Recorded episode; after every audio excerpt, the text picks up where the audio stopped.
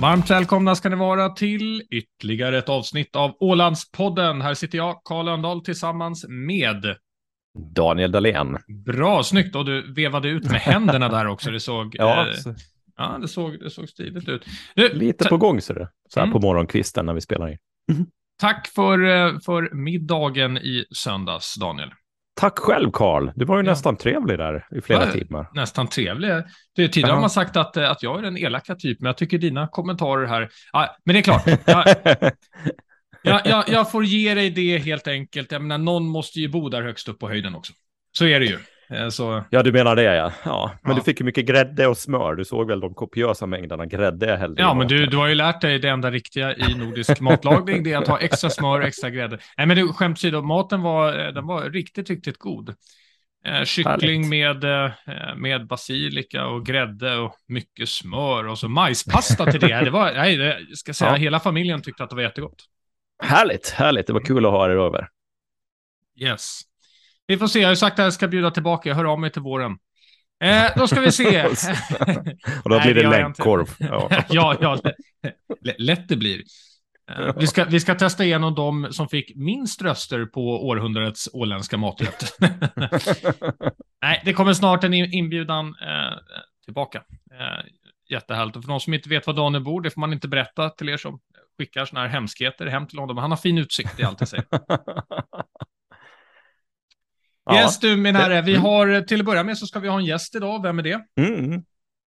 Nej, men det är Tony Assoma, en eh, herreman med många strängar på sin lyra. Allt från kommunens starke man till eh, tidigare finansminister, nej, näringsminister, nej, vad var han för minister? Det får vi gå och ta reda på lite senare. Mm, Är, Men, det, är det oklart?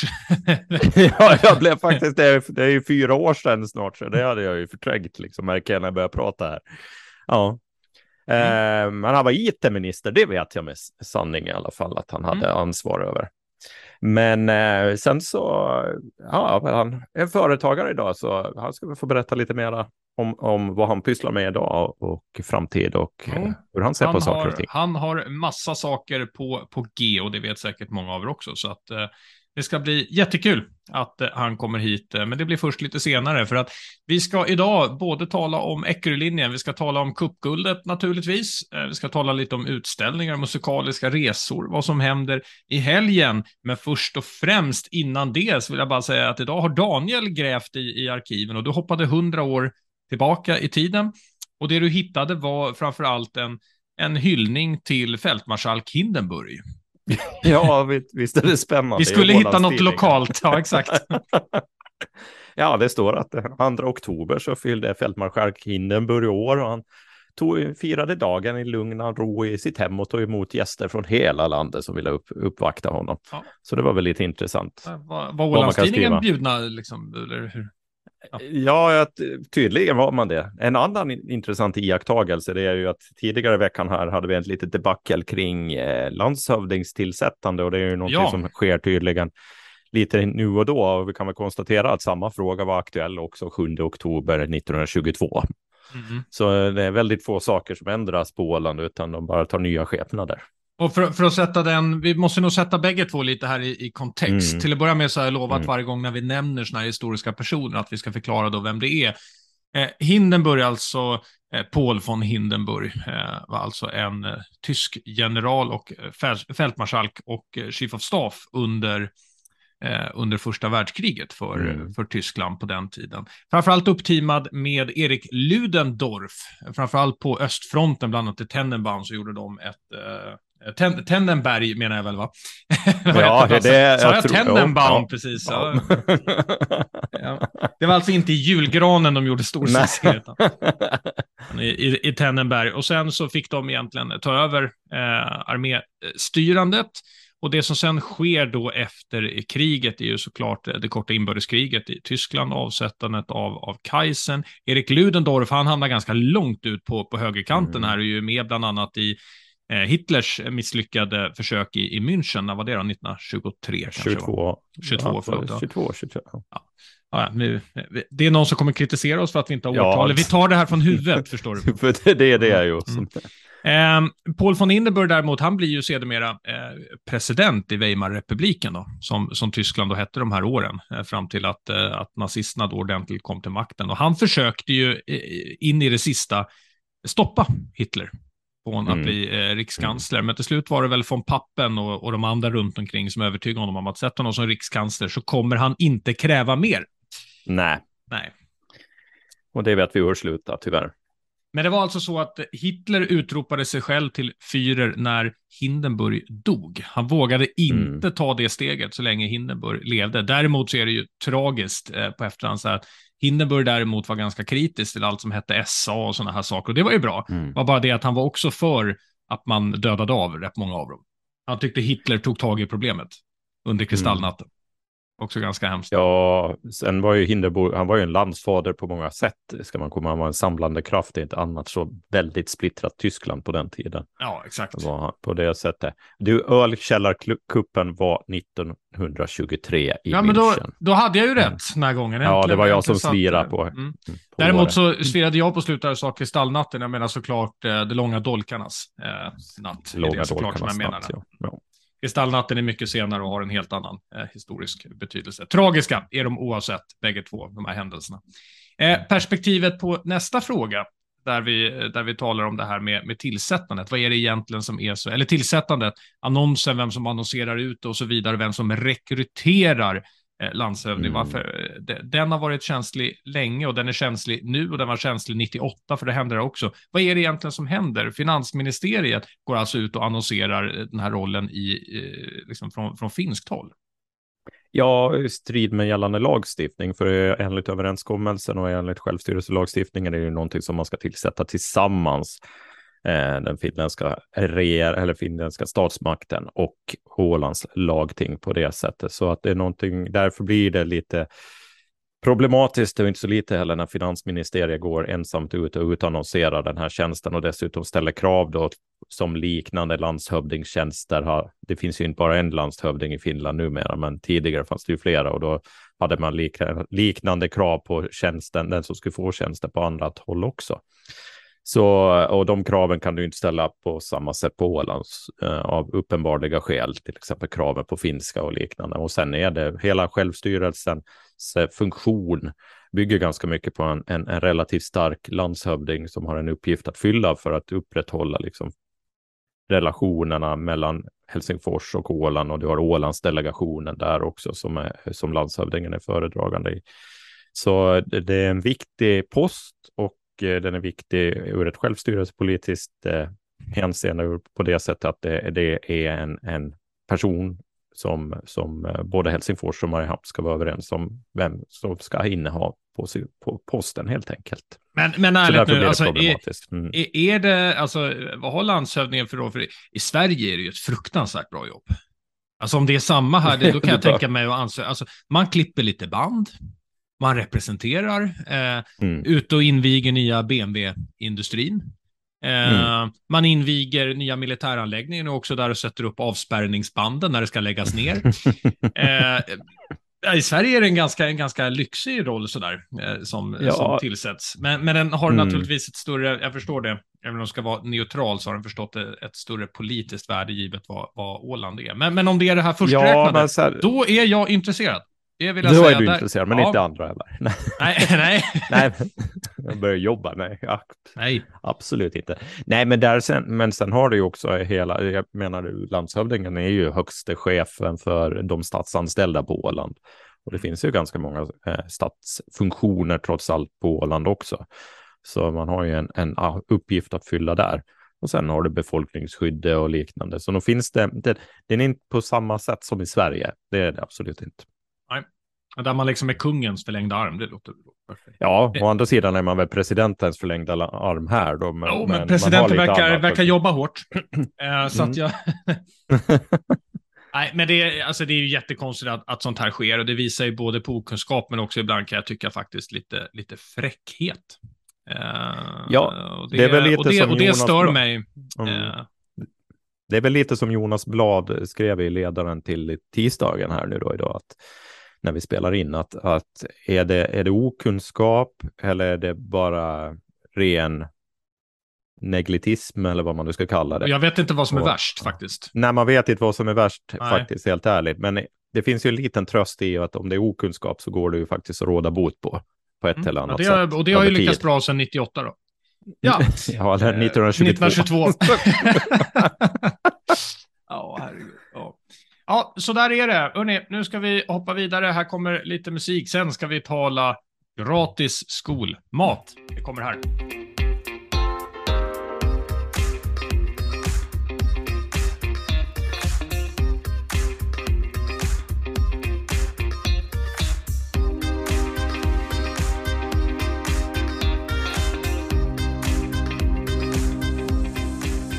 Ja, för er som är med i gruppen föräldrar på, eh, på Åland så har det blossat en diskussion här i veckan som handlar om att skolan ska vara gratis. Jag sa gratis skolmat, men det här inkluderar väl kanske lite, lite mer, men det är det fokuset ligger på. Jag läser helt enkelt inlägget. Vi tänker inte naturligtvis säga vilka det är som har skrivit vad, det får folk ta reda på själva, men så här började i alla fall debatten. Jag har levt i tron i att skolan ska vara gratis. Under förra skolåret hände det inte en enda gång att vi ombads skicka med något ätbart till skolan med eleven. Men i år har det plötsligt ändrats, så nu vill lärarna att vi skickar med en frukt varje dag. Plus att när de går på någon utflykt ska vi skicka med fika hemifrån. Detta nästan varje vecka den senaste månaden. Eventuell fika till utflykter har också eh, tidigare ordnats som skolköket. Har man flera barn som detta ska ordnas till blir det snabbt ganska dyrt och alla familjer kanske inte har råd och möjlighet och då kan det orsaka utanförskap. Hur ser ni på saken och hur ser det ut i de olika åländska grundskolorna? Där är frågan. Den har på ett dygn drivit 93 kommentarer. Det är mycket för Åland det. Ja, men absolut. Och befogade frågeställningar. Fullkomligt. Eh, var en, en ganska rolig nyckelkommentar som vi hade här. Hade du den eh, top of mind här? Det tyckte jag var ett bra svar. Eh, här, just den här. Jag har levt i det naiva antagandet att sådant inte är tillåtet enligt reglerna. Just för att det inte ska peka ut barn i familjer med, med tajt ekonomi. Mm. Mm. Men, men sen är det intressant det här med tolkning av lagen. Jag- Ska jag säga min ståndpunkt bara här på, på en Mm. gång så får vi ju det. Eh, jag- tycker att det, det är självklart att det här inte eh, ska kosta något extra. Jag vill också göra tydligt att vilka andra funktioner än det statliga, kommunala och så vidare får använda uttrycket gratis om det inte är gratis. Nej. Det är någonting jag, jag har... Nej, det, det är just det som är så intressant, att de använder det eh, om du skulle göra det i en privat sfär och säga att någonting är gratis, men sen ingår eh, påläggsavgifter som är obligatoriska. Ja, då är du Eh, körd. Då är du helt körd. Marknadsdomstolen nästa, eh, kan jag säga. Mm. Eh, så, så bara uttrycket gratis är ju, är ju jätte, jätteintressant. Nej, och jag, jag vill väl säga en sak också här, för jag tycker det här är ett större problem. En, det är klart att det är ett problem det här med skolmaten också, men i ett, större perspektiv kan det här bli väldigt problematiskt. Och det handlar ju om att vi betalar en hel del i skatt alltså. Ja. Väldigt mycket betalar vi i skatt av vår årsinkomst, var och en av oss.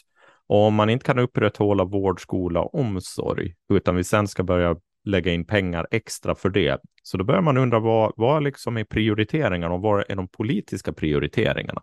Och vi har haft en debatt om skolmaten ganska länge nu och en, de ska tillreda mat från, eh, på 1,67 för 1,67 per portion då i vissa delar av vårt samhälle eh, och vissa kommuner ska jag säga. Och det är ju inte, det, jag menar, ska du och jag laga mat för 1,60 per person så då är det blir inte mycket till mat då, eller det, det kan vi väl ärligen säga. Eller? Så det, de gör ju ett enormt jobb de här i skolköken, men, men i det stora hela så jag, jag kan förstå att utflykter att man tar med, det, det har nog varit så ganska länge. Eh, men den här mellanmålsdiskussionen och det här, Ja, jag, jag får, jag Att, att, får att det man ska att- skicka med eget mellanmål hemifrån för att Nej. den här tiden ska barnen äta och det kan inte skolan bistå med. Och jag vet inte vem det är som gör fel här, så därför, därför gör jag det klassiska att jag, jag drar alla debattvinklar och så får man sen på Mm. efterhand så kan man efterkonstruera vil- vilket land man låg i. Men det finns ju ett scenario eh, som är så här att skolan helt enkelt inte förstår bättre. Mm. Man kan inte reglerna. Man vet inte hur, hur det ska gå till. Det är, liksom, det är ett scenario. Jag vet, och nu kommer vi tillbaka till det här igen. Jag vet inte vad som är värst. Det finns ett annat Nej. scenario som är att de har faktiskt inte de eh, anslagen som de, som de behöver och blir inte lyssnade på uppåt. Och det är ju i sådana fall en mycket allvarlig eh, debatt vi, vi talar mm. om. Eller så har direktivet kommit ovanifrån. Att det är så här det ska gå till. Och man har, man har helt enkelt inte, eh, inte själv någonting att, att säga till om i, i frågan. Och jag, jag, vet inte vad, vad som är värst faktiskt. Men så här får det inte gå till. Det betalas mycket i skatt. Vi har de här reglerna och det är ju samma. De här eh, lagarna kan man ju väl också från, från Sverige. Eh, det är ju inte bara en utanförskapsfråga, för den är, den är väl viktig. Men jag menar, vart ska det här ta slut då? Ska vi snart skicka med alla, alla grejer? Ska det bli två pennor per år också? Så resten får vi köpa själva och skicka med papper. Ja, men absolut. Var, var går gränsen? Du, du, nej, men var går gränsen? Och du har ju, det här är ju ett samhällskontrakt egentligen. Eh, invånare betalar skatt för man får en viss service. Och ja. börjar man inte få den där servicen men ändå ska betala skatten, så då kommer det att bli ett problem. Eh, med förtroende, ett rejält förtroende. Och det är väl inte det vår politikerkår behöver mer av eftersom det finns ett ganska så stort politikerförakt där ute i, i, i våra stugor. Så, så att eh, nej, jag tycker det. Jag, jag, jag tror tyvärr att det kan ha med okunskap att göra, precis som du säger. Man försöker lösa ett problem på enklast möjliga sätt och då säger man, ja men ta med lite frukt så är det ordnat. Mm. Jag tycker också att det är, eh, det är så att jag förstår att vissa tycker också att det är kul att, att ta med sig eget och, och så där, att det är roligt. Det är bara så att skolan måste ju ändå i grund och botten vara lika för alla, så att alla ska få samma möjlighet till allting. Om vi, om vi tar mm. att man, om man ska på en utflykt då, vi säger att de ska inte, åka skidor orten här borta. Mm. Ska, mm. ska det bekostas då? Hur, hur, hur ser vi det upplägget då? Ska, eh, ska föräldrarna skicka med pengar för att, för att hyra skidor då? Eller vad händer med de som inte har råd? Ska de andra betala då? För den. Mm. Eller hur, hur gör man då? Det är ju fruktansvärt eh, för ett mm. barn att, att kanske inte ha råd med, med vissa olika funktioner. Nej, jag, jag gillar verkligen inte det här och då, som ni misstänker, så röstar jag kanske inte längst åt, åt vänster. Men det här för mig har ingenting med det att göra. Vi har kommit överens om att det ska finnas, som du säger, en grundplattform i samhället och den ska vi hålla oss till. Alla ska ha samma möjligheter. Det är sen när vi är vuxna som vi tävlar i en himla massa andra saker. Det är en helt annan grej, men, men barnen ska inte gå sak. ut över. Nej, det handlar om att vi ska ha lika förutsättningar från starten. På det sättet vad det gäller skola. Sen har vi andra variabler så självklart, men, men liksom skolan ska vara en neutral plats på det sättet. Ja, ja, nu blev du ja. lite upprört här. Ja, nej, men, det, nej, men det, det, blir det, därför att jag, jag förstår också det, det är som det alltid är, va?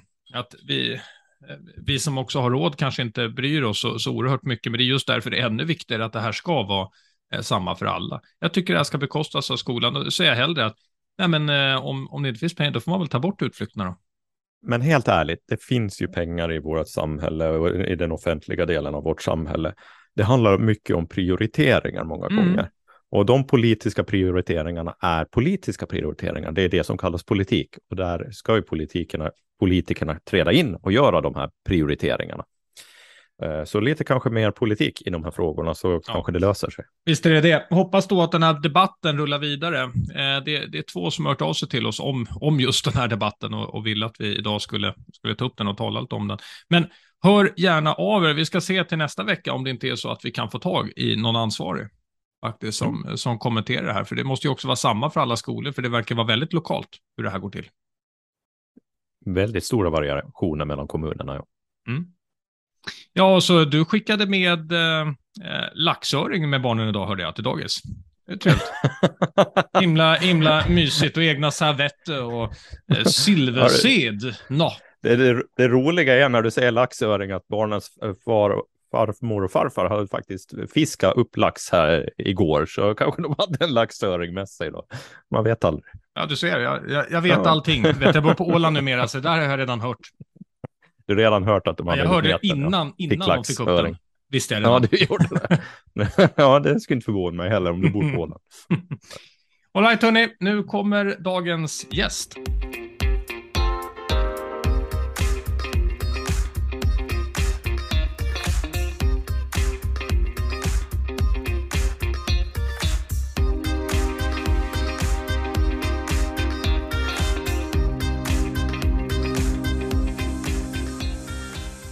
Och idag i Ålandspodden så hälsar vi välkommen till Tony Asuma. Jag uttalade det kanske inte helt 100% rätt. Vi diskuterade här innan om, ska det vara Tony, Tony och ditt efternamn? Men jag tänker, du får nog säga ditt namn helt själv, på det sättet du själv tycker att det ska sägas?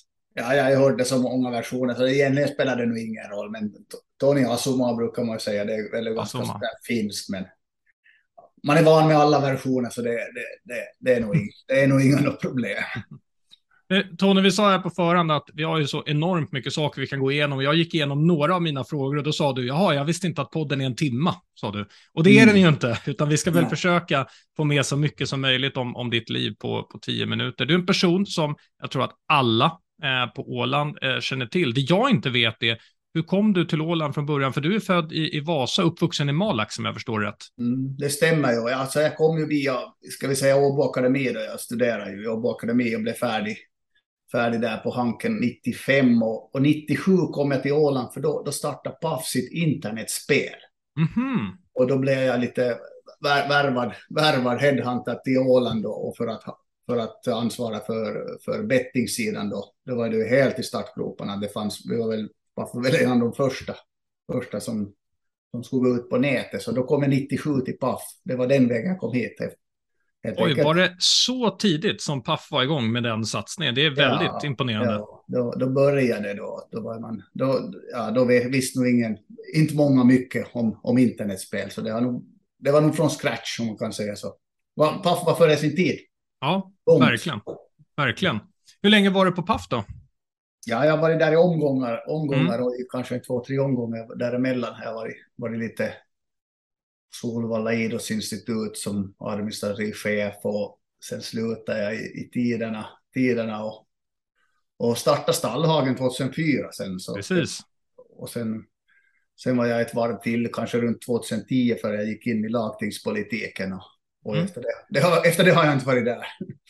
Det har varit eh, verkligen överallt. Hur, hur var eh, Stallhagen från början? Jag har ju fått de här berättelserna från tror jag nästan mm. alla. alla. Du och jag är nästan de enda tror jag som inte har samtalat. Hur var det när ni, när ni startade upp det? Måste ha varit en så otroligt annorlunda verksamhet jämfört med i, eh, idag såklart, framförallt i storlek. Ja, det var ju ingenting. Det var ju ett gammalt löklager med jordgolv, om vi säger mm. så, som vi rustade upp och köpte, köpte en gammal panna från, från Laitila, från Laitila bryggeriet, så på tusen liter så kopparpanna som fanns där i ett antal år. Så vi började från noll, ska vi säga. Jag var första vd och första bryggmästare där, lärde mig brygga lite öl tillsammans med Laitilas bryggmästare. Och där började i tiderna, från, från ingenting, om vi säger så. Så det har ju utvecklats åtminstone litermässigt. ja, verkligen. Ja. Precis. Det blev inga många liter de första åren. Inte fanns det ens buteljerings maskin där, utan det fick man buteljera annanstans. Du jobbar ju även idag så otroligt mycket med, med dryck. Alltså hur, eh, hur fanns, fanns det intresset innan Stallhagen eller var det bara så här, ja, det verkar, det verkar kul med, med öl, eller hur, hur kom du in på det? Nej, egentligen. Företagande i sig var väl roligt. Sen att det råkade bli öl var väl bara tillfällighet för att det inte fanns ett bryggeri på Åland. Då fanns det mm. vissa andra som var intresserade också att driva det. Så jag skrev en affärsplan och gick med där. Och och, och körde igång den helt enkelt. Inte vet jag om jag är speciellt intresserad av öl. Men, men dryg, dryg. Och sen har det ju växt vidare och det blev väl lite kvar lite, lite visioner och drömmar som aldrig förverkligades då som jag kunde sen via Amalias limonad förverkliga då, vad gäller Precis. limonad och andra drycker. Och det kommer vi tillbaka till, men det är lite kul för du har ju suttit i, i lagtinget och haft massa olika positioner. Jag har försökt slå upp dem alla här. Mm. Eh, men jag, nu ska jag inte läsa en resumé av det, men det är lite roligt att när man letar efter det i tidningarna, jag har en sån här arkivfunktion så jag kan gå tillbaka liksom hur långt som helst och söka på ditt namn, så är det fortfarande fler artiklar om, eh, om dig som domare än i lagtinget faktiskt. Vilket kanske säger en del om vad, vad folk bryr sig om och så vidare här, men du måste berätta lite för mig. Du, du har ju varit med och dömt i helt otroligt coola matcher. Ja, no, det gick väl ganska bra. Jag slutade 93 för jag fick en korsbandsskada. Så jag spelade i Pargas IF, steg till division 1, allt spela målvakt. Och sen började jag döma och, och sen, sen blev det 15 år i, i, i tipsligan och vald fyra gånger till Finlands bästa domare. Och sen var jag mm. ännu 10 år internationellt då, domare och slutade då 2013 i Marseille i en Europa League-match. Så och sen var jag i den här first alltså näst högsta kategorin i Europa då. Så det gick, det gick ju bra tills man inte kunde sen träna, träna ordentligt genom på grund av skador och annat, så jag fick sluta då 2014. Så det är väl därför det finns, för man har ju haft, gjort en 200 ligamatcher och en, ett hundratal internationella matcher, så det är väl därför man finns i, på Google om man letar. Mm. Jag kan säga att den mest lästa artikeln om, om dig som, som faktiskt finns, det är eh, mellan eh, Spanien och Frankrike, uppladdningsmatch inför EM-spelet. Det är faktiskt den mest lästa artikeln på Ålandstidningen om dig. Det var lite ja, det, det kan man väl säga, det var väl den största, största matchen i, i karriären, i, även fast det var en, en så kallad friendly game. Men, ja. men där kom, den var, det var väl stort, det var i februari kommer jag ihåg. Och här var det massa med snö och enda möjligheten att träna var på mitt, mitt löpband nere i källaren, för det gick inte att springa ut. Och sen åkte man till Malaga och sprang på gräs där. Och Vieira kapten för Frankrike och Casillas kapten för Spanien. Så det, det, det var väl den största matchen ever för mig. Hade du erfarenhet av att vara domare när du gick in i politiken då? Hjälpte dig på något sätt? Mm, ja, alltså man är ju van att ta skit alltså. man är väl på det viset hårdhudad att det, det, det, den viset hjälpte det att, att man, man, man blir en sån där skrämselhicka för, för ingenting. Alltså nu har det ju hjälpt. Nu har man ju lite härdad så att säga har man blivit som domare. Det är bättre, man, man, man, man ska behöva, alltså man, som domare, man ska se allt som domare, man behöver, men man behöver inte höra allt. Om vi säger så. Och det är väl lite så i politiken. Och du, du kommer in i, i lagtinget. Vilka positioner hade du där? Du har flera stycken här som jag, som jag sa, men du får presentera dem själv. Ja, jag kom ju in i lagtinget 2011 då som mm. ett vanligt lagtingsledamöte. Och sen, sen, sen var jag där och satt i finansutskottet och 2015 så kom jag i lagtinget en gång till och då, då var jag Liberalerna i regeringen då och då har jag, var jag utbildnings och kulturminister i fyra år. Då, så. Och efter det har jag la jag ner den karriären. Då, då skippade du den. Eh, varför la du ner den? Eller jag ska ställa frågan så här istället. Eh, när man går in så kommer man naturligtvis in med ett driv, man vill förändra och så vidare. Eh, det som oftast brukar kännas av för de mesta är att sen är liksom politiken i sig är ett, är ett eget eh, system, liksom, eh, mm. där saker hanteras på ett visst sätt och så. Kände du av det? Fick du driva de frågorna du ville? Fick du igenom någon riktig hjärtefråga så här som du är stolt över på efterhand? Att det där var riktigt kul att vi gjorde. Ja, då finns det en hel del nu. Alltså, jag menar, vi, vi ändrade ju grundskolelagen, det kan man tycka vad man vill mm. om. Och fick igång, vi fick Bomasunds besökscenter yes. startat och VHA, eh, konstgräs på VHA och Pommern fick en docka och lite sånt. Så det finns ju vissa sådana, men om vi säger varför slutar man där? Att, ska vi säga under mina åtta år som företagare så så har jag ju skapat ett, ett, ett antal arbetsplatser och, och, eller, och under åtta år i politiken så skapade jag nog inte en enda arbetsplats, om vi säger så. Att, att man, om man pratar om att poli, politi, politikerna skapar arbetsplatser, det stämmer ju inte alls, utan de, Nej. det enda de kan göra är kanske ge någon slags förutsättningar för att andra ska göra det. Någonting jag har observerat här som är väldigt annorlunda jämfört med det jag gjort affärer tidigare är ofta att här talar man om att politikerna först ska göra förändringen och sen ska näringslivet komma efter. Jag är ganska van vid att det brukar vara tvärtom. Eh, ja, näringslivet tar för sig och sen lagstiftar man efteråt. Ja, det stämmer ju inte alls det där. Det är väl, det är väl politiksnack det där. Att det har jag märkt. Det är väl det som i politiken man, man är väl lite för rastlös att sitta där och mm. bara nöta kostymbyxorna.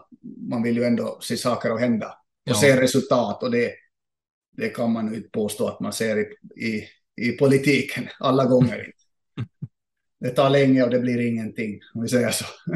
Jag vet att du la fram en, en, rad förändringar just, eh, många förändringar om barnomsorgen och, och skolan. Jag tänkte ta upp en sån med dig nu. Nu är du lite, mm. lite halv förberedd på den i alla fall, för jag nämnde den innan. Men det har ju varit mm. en debatt här i, i veckan på föräldrar på, på Åland, Facebook-sidan. Det har väl någon typ av kommentarsrekord.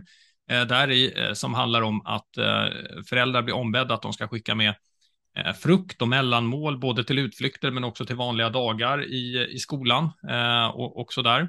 Eh, och frågan är då liksom, är skolan gratis? Blir det här liksom jämställt för alla eh, när, när det går till på det sättet? Vad är din vy på, på det? För jag vet att du själv har lagt fram många punkter som handlar om just avgiftsfrihet, bland annat samtliga kommuner och så vidare. Vad tänker du när, när du hör den dialogen som just nu diskuteras på Åland?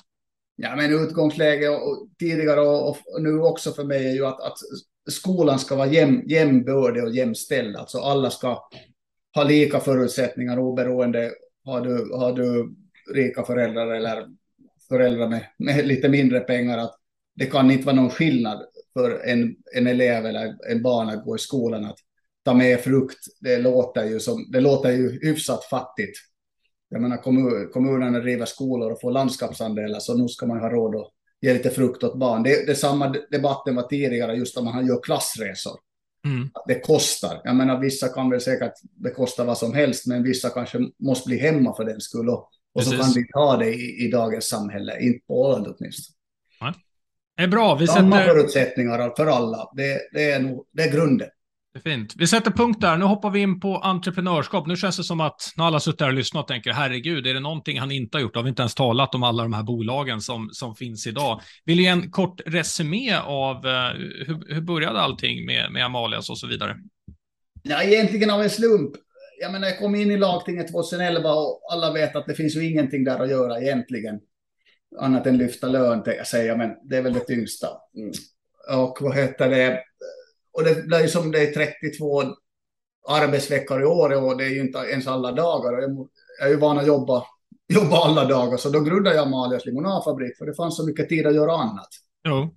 Och egentligen, och det fanns en passlig, passlig lokal här, eller sån här fastighet här, ganska nära hemmet, som vi mm. gjorde först en, en bed and breakfast av, och sen, sen byggde jag limonadfabriken på samma gård då, i, i Ladugården så att säga. Så det var ju nog att det fanns så mycket tid att göra annat, så annars har man ju inte kunnat göra det. Och sen var det ju bra, man hade ju en grund att stå på, kom i lön på konto fast man, fast man drev lite limonadfabrik. Det, det var ju ganska optimalt.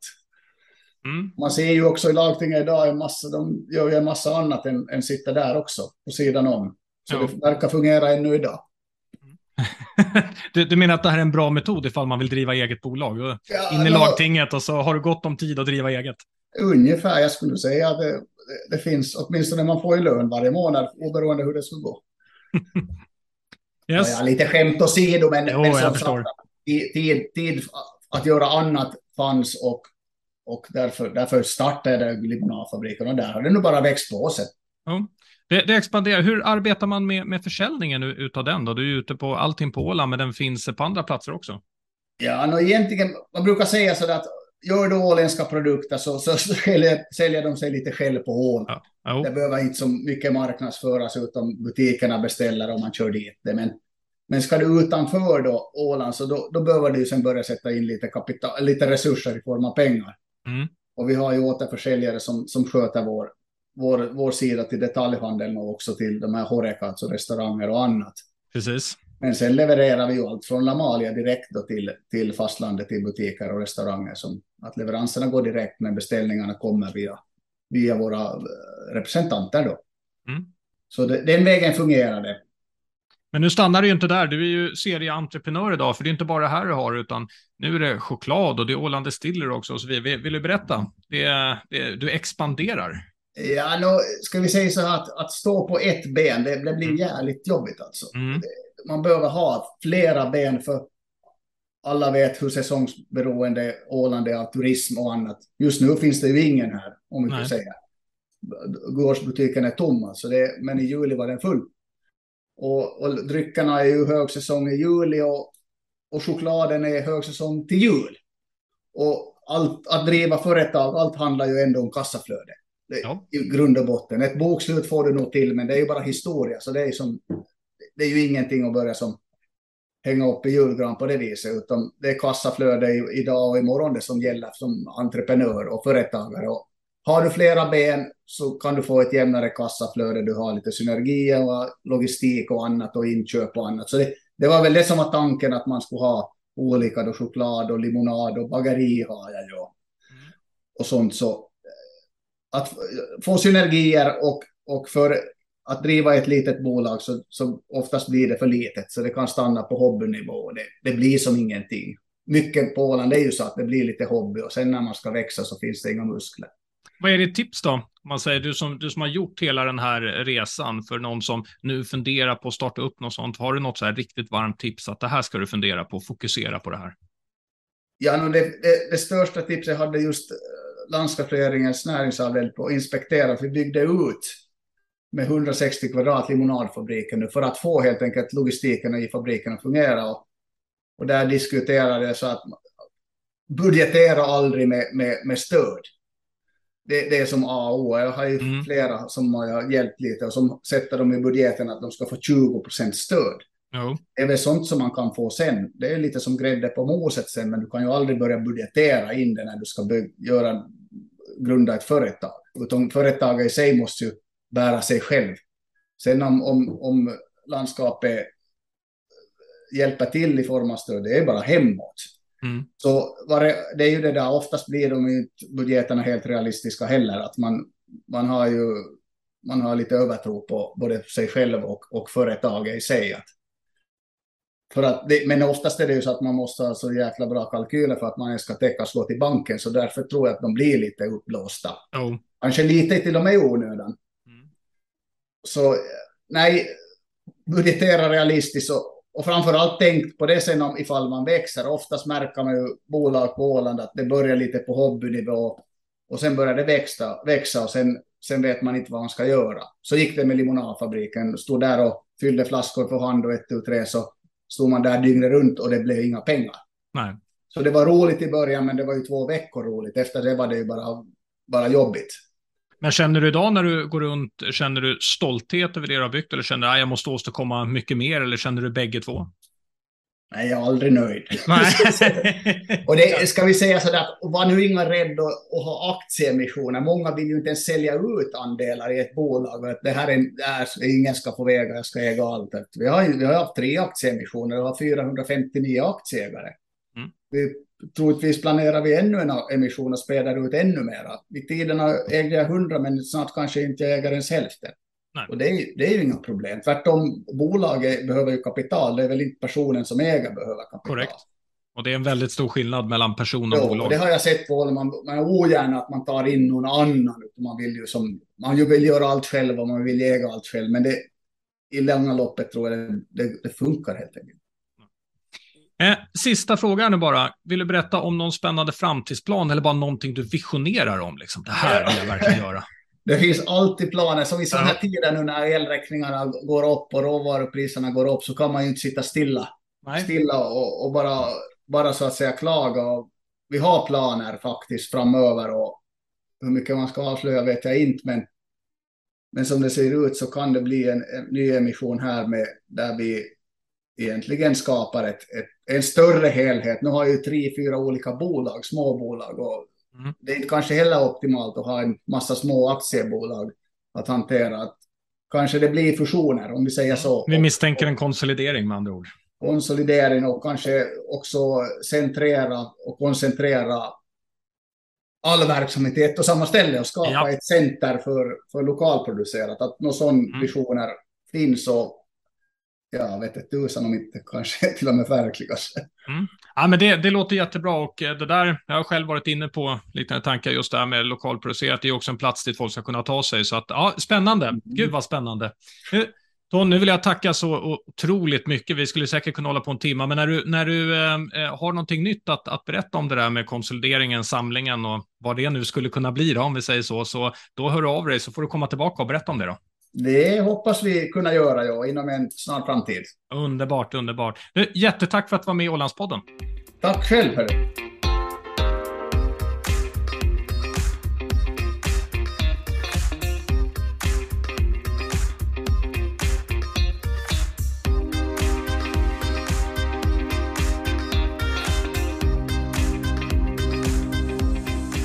Ja, vidare i nyheterna. Eckerölinjen tidigare lägger ju sina morgonavgångar. Jag antar att det här har att göra med eh, bränslefrågan, Daniel.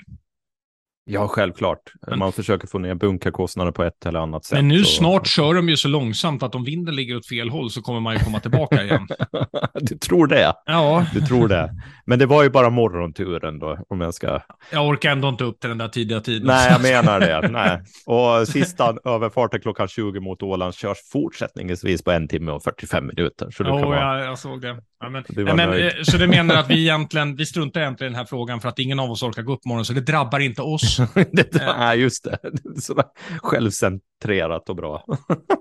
Men det är väl en, eh, det är väl en ganska logisk följd. Det är väl ändå eh, rimligt att, Ja. att man gör så. Alternativen är väl att eh, höj, höja priserna eh, mycket naturligtvis för att kunna Ja, eller ställa det. Det in turer. Eller ställa in, ja. Och det vore ja. ju betydligt, betydligt värre. Mm, nej men absolut, och jag tror det är ganska få som har, har, har stora bekymmer med just den här delen. Men däremot är det ju så att, att eh, Eckerölinjen har ju kört enligt en och samma turlista. För jag frågar mig inte hur länge, men det, liksom, det sitter ju i ryggraden deras turlista av en anledning. Och gör man lite förändringar i det här så, så påverkar det ju säkert allmänhetens, eh, ja, vad ska jag säga, eftersom det så står någon där klockan 8.30 ändå, fast den går klockan 8 istället. Och, och, och blir arga för att ja, men den har ju alltid gått 8.30. Vad händer ja, nu? Men, men hur, hur stor hade inte debatten varit om priset gick upp istället? Så... Ja, ja det, det, det ena utesluter inte det andra mm. med den här, den här energivintern. De kan väl joina upp varandra, de som är villiga att betala ett högre pris för att gå upp senare eh, på morgonen och de som inte är villiga att betala ett högre pris. Det blir en bra klaggrupp. Där, där hittar vi i alla fall ingen, ingen lösning på frågeställningen. Ja, eller, så, eller, eller så är det någon entreprenör som kommer på att ja, men, de som kommer lite senare kan jag ju köra ut med snabbgående båt så kan vi kasta på dem sen lite i, i farten liksom. Mm -hmm, ja, då har Vad tror du om den lösningen? Ja. Jo, ja, det är ja. fint. fint. Jag tycker det ska bli ganska spännande att se hur framtiden ser ut på, ja. på Östersjön. Jag förespådde ju eh, ganska långt tillbaka att givet priserna som finns också på eh, kryssningsfartyg och allting sånt här så finns det ju möjligheter att vi exempelvis just kommer få se snabbgående energisnåla farkoster i framtiden. Det, det är liksom inte otänkbart att vi ska tillbaka i det nästan som det var så här för 70-80 år sedan, eftersom att allt går i cirklar. Mm. Det ska bli ganska mm. intressant att se hur framtiden är. Nästa fråga är ju också om det finns utrymme för någon lyxigare kryssningsbåt i, i Östersjön. Vi vet ju att bland de dyraste kryssningarna du kan ta med både MSC, Royal Caribbean och så vidare, de går ju faktiskt i Östersjön. För det så finns det, det internationellt intresse för att, att åka runt här och, och titta på. Så det, det, det är intressant den här branschen. Ja, mm. Nej, jag menade nu om en månad, Daniel. Ja, 4 november avgår vi. det, ja, jag tänkte att du ska behöva runt. förtydliga dig lite. Om Men du det, trodde att de skulle komma hit i november. Det som är bra är att då kan man nästan bara ligga i hamn och ibland bara eh, bullra lite med motorerna. Så tror folk att man åker runt. Ja, ja nu passerar vi Mariehamn. Ja, fint eh, tror jag. Mm. Då bara byter du... vi ut lyktorna på utsidan så, här, så att man tror att man är på en ny plats. Nej, men, nej, men det är ju som du säger, det går ju ganska mycket kryssningstrafik i Östersjön eh, under sommarhalvåret, men eh, reguljär trafik, så det, den, den kryssningen, ja, den är ju intressant att se hur, hur framtiden blir för den. Mm. Den har ju varit väldigt kombinerad med lasttrafiken, det är ju det som har, har det är kombinationen som har varit vinnande, men vi får se hur det, hur det artar sig de kommande åren. Men det verkar ju som det går ganska bra för våra rederier igen nu. Många väljer att åka. Ja. Trots allt. Och igen, vi får väl titta sen på, på långa trender och grejer, men det är klart att mm. Viking just nu har, har såklart en, eh, en möjlighet i och med att Tallink har, jag skulle vilja säga strategiskt retirerat, om man ja. får använda ett krigsuttryck. Mm. Det är, inte, det är inte samma sak som, som Ryssland, mina vänner. De, de flyr för fullt bara. Det, det, de bara, de bara säger att det är en strategisk. Ja, hur som helst, cupguldet, det stannar ju på Åland. Herregud vad bra Åland United är i cupformat. Det, det är nästan löjligt.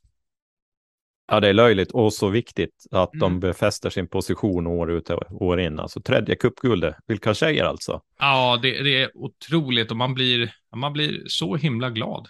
Uh, när, när, man, när man läser och ser det här och så hyllningarna och också den mediala uppmärksamheten, inte bara här utan på på fastlandet. Ja, det, är, det är en otrolig känsla faktiskt av att man, ja, att man går och vinner igen. Ni har inte mindre lagt ut eh, 49 bilder från Cupco. Det säger en hel del.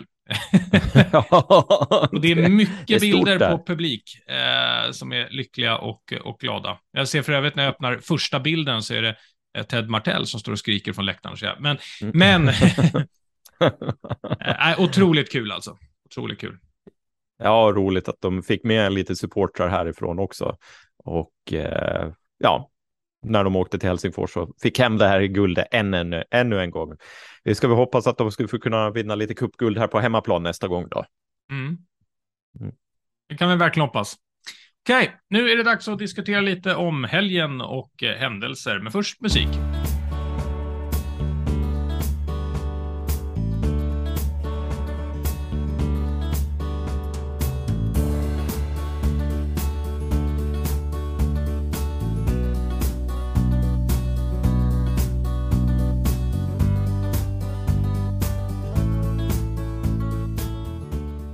Ja, aktuellt. Ålands fredsinstitut fyller 30 år och det firar man bland annat med en utställning då på Ålands kulturhistoriska museum och den gick av stapeln i går, tisdag.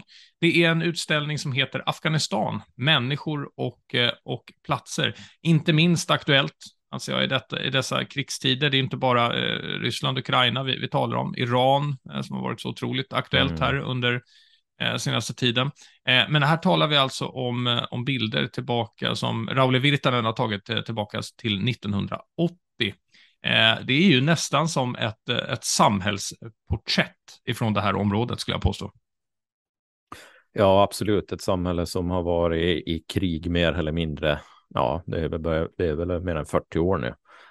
Eh, och eh, det är ju ganska hemskt när man ser de här bilderna, de få bilder jag har hunnit se hittills, med barn som äter lunchen och har en Kalashnikov vid sidan. Och man, ja, och det... Alltså det blir en vardag på ett helt annat sätt. Kriget blir vardag och det är, kommer ihåg när man såg eh, från Syrien hur barnen sprang ut och spela fotboll bland, på minfältena fortsättningsvis. Ja. Och ja. Bomblarmerna göd och det blir normaliserat efter ett tag, även kriget. Det, det, det, blir ju det.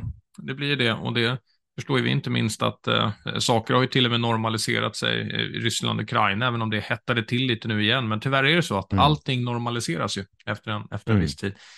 Tänk alla dessa barn som har växt upp eh, i, det här. Det är faktiskt fruktansvärt. Jag tycker det, bara mm. för en, en, en tankegång, för det är viktigt att man inte glömmer och kommer ihåg eh, hur, hur det ser ut att vi alltid ska kämpa för människors fria rättigheter. Så gå, gå och titta eh, på det här. Den rullar väl hela vägen till mitten av november, om jag inte minns eh, helt fel här. Eh, så att mm. det finns goda möjligheter att, att gå och titta på det. Men sen så har ju du som vanligt tagit med något kulturellt utöver bilder. Så idag har du tagit med oss till att det finns en musikalisk resa och den är väl ikväll, va? Om jag inte har förstått den är det helt fel. Ikväll, ja. ja. Och det är Sjöfararen av Sandra Lundberg och eh, det är, en, det är ett audiovisuellt drama eh, som de har satt ihop, eh, Sandra Lundberg, men också tillsammans med Anton Jonas, Johansson och Saida Pontino, Kasper Lindros och Johan Henriksson, Jakob Sundström och Allan Johansson. Det är nyskriven musik eh, och eh, handlar egentligen om just om sjöfararen, den åländska sjöfararen. Och det har spelats tidigare också. Och nu finns det möjlighet att se den ikväll då eh, på Bio Savoy. Mm. Eh, klockan 19 och klockan 21. Ja, och när du säger då att den har körts förr så är det alltså så att det här är som extra insatta föreställningar bara några månader senare, för den gick alltså tre gånger i, i somras och drog, eller förlåt, i våras och drog en fullsatt eh, publik. Sen förstår mm. jag varför du annonserar och ropar om den här, för att det står ju biljetter säljs via Ålandstidningens reception. Så hur mycket tar du nu i kommission då, Daniel, varje gång när någon... Nej, men har du Ålandskortet så får du rabatt. Åh! Oh. Mm. Jag trodde att det var så här, bara man är på Åland får man rabatt. Eh, det, det, är så mycket rabatter så man hinner liksom inte hänga med i alla, i alla turer. Det skulle vara kul att räkna ut det där någon gång faktiskt. Jo, men det, alltså Åland är ju lite som en marockansk basar på något sätt. Alltså att ja. det, ska, det, det, ska vara rabatter hit och dit. Mm. Mm. Till helgen så kommer ju det, det riktigt stora evenemanget. Det är såklart eh, kanonloppet och så är det Ålandsmarschen, eller hur? Ja, ja, absolut. Och så är det ju julleloppet för de allra ja, minsta absolut. också. Icke att mm. förglömma, men vi kommer till det. Nej, men det är ju kanonloppet och, och, det är ju många som har sprungit väldigt många år kanonloppet och mm. eh, det är ju 22,5 kilometer i alla fall, så det är ju en halvmara egentligen på det sättet mer eller mindre. Mm. Ska du ge dig ut? Mm. Nej, jag ska Nej. ju ut och resa jag i helgen, så jag kommer ja, inte kunna springa. Ja. ja. Det ska det alltså. Vi kommer spela in nästa veckas avsnitt redan eh, den här veckan. Det kan bli intressanta spekulationer. Vad som ska hända. Ja, precis. Ja, exakt. Ja, nej men eh, så kanonloppet och Ålandsmarschen, det är ju så att man behöver inte springa utan man kan även gå. Eh, mm. Och då är det Ålandsmarschen som gäller och man startar i Breidablick och så kör man på hela vägen in till Viklöv Holding Arena. Yes, stämmer bra det. Mm. Och de olika distanserna som finns, Alltså att antingen så tar man då hela banan som du sa, det är en halvmara ungefär, 22,5 kilometer. Man kan också starta vid Ringspöle, då är det 15 kilometer. Sen så finns det ju eh, lilla kanonloppet. Där kan man välja 7,5 kilometer eller 3,5 och sen så har vi ju det som du nämnde, Julleloppet som är en kilometer, drar mycket, mycket barn. Det är kul. Ja, det brukar vara väldigt mycket barn och eh, där, eh, ja, det, eh, det, brukar faktiskt vara ganska roligt att se de där små som tultar på där och, eh, och en del lite äldre som springer full fart hela, hela, hela vägen i mål då. Så att den är en kilometer och det är start vid Nyängens dagis. Det är, man kan anmäla sig på förhand eller så anmäler man sig på plats. Och samma sak där då, start vid Nyängens dagis och så målgång i Wiklöf Holding Arena. Yes. Vi kanske ska alla stå starttiderna också så att uh, all, mm. alla, får med, alla får medalj. Sa du det? Mm. Mm, ja, då kan jag tänka mig att vara med i det här juleloppet. uh, Eh, hur som helst, starttiderna de är 9.45 för juleloppet. Jag sa ju också Nyängens daghem. Sen är det Lilla kanonloppet, både 7,5 och 3,5. Där är det start vid Vikingavallen för 7,5 och Hindersböle för 3,5 och tiderna för det är klockan 10. Ålandsmarschen som är 15 kilometer från Ringsböle börjar 10. Ålandsmarschen som är 22,5 den börjar klockan 9 från Breidablick, precis som eh, du sa tidigare. Eh, och ska man springa, då är det eh, precis samma tider som gäller och samma platser. Så det här blir väl riktigt kul. Ja, men absolut. Mm. Det brukar vara en upplevelse. Mm. Yes. Du, fint Daniel. Nu, eh, nu kommer jag stänga ner oss för veckan. Jag får väl önska dig en trevlig semester, även om vi ska spela in en gång till den här, den här veckan. Mm. Ja, men, tack ska du ha. Mm. Så ses vi där ute. Mm. Tänk på oss igen. alla andra när du sitter där i solstolen. ja, om du går upp, som om du går upp på morgonen och tänker, jag undrar hur Karl mår.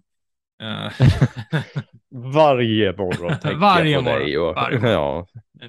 Jag vill också tacka Tony så mycket som var gäst idag. På återseende om en vecka. Det här är Ålandspodden med Karl Lönndahl och Daniel Dahlén.